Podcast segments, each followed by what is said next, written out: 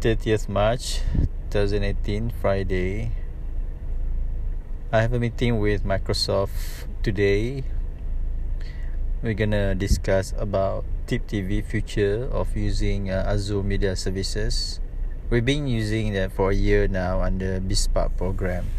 It's been very good uh, generally, but at the same time we encounter a lot of issues, technical issues possibly because the lack of an understanding of the usage and the same time we we are not very familiar with this uh, a lot of functionalities you know how do you you know cherry pick all these uh, services on Azure platform?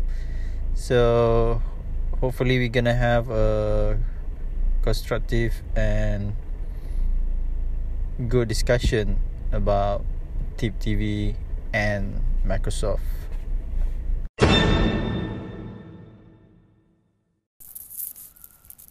Thirtieth March, 2018, Wednesday, at the Microsoft office. So I'm just gonna walk around here. Then I don't know.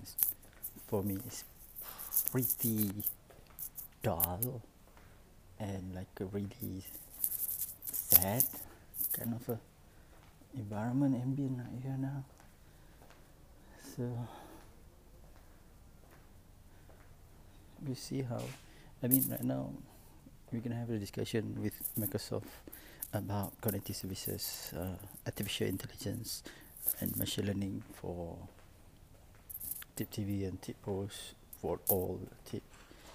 And we're gonna see how we can cherry pick and optimize tip TV platform using facial recognition on the video you know on the voice as well how whether there's a negative voice whether there's positive voice. So it's very interesting. We're going to see that soon. But this, purely the discussion is whether we want to continue using Azure media services or we're going to switch to something else. So we're going to decide it today.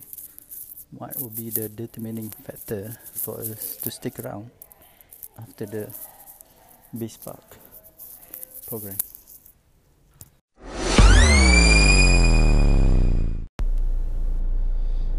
Uh, 31st March afternoon, Saturday.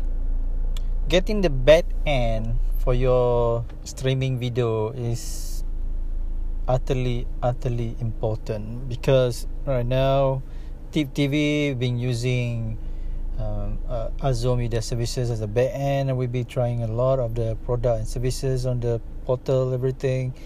But generally speaking there's no uh, case yet that a total video streaming services or company been using Azure successfully. So we thought that by talking to Microsoft it will clear a few things up like you know what is the best practice what is the best how we can uh, optimize um, tip tv and at the same time we we like to know you know how can we minimize the cost? Because we've been bootstrapping for the last three years.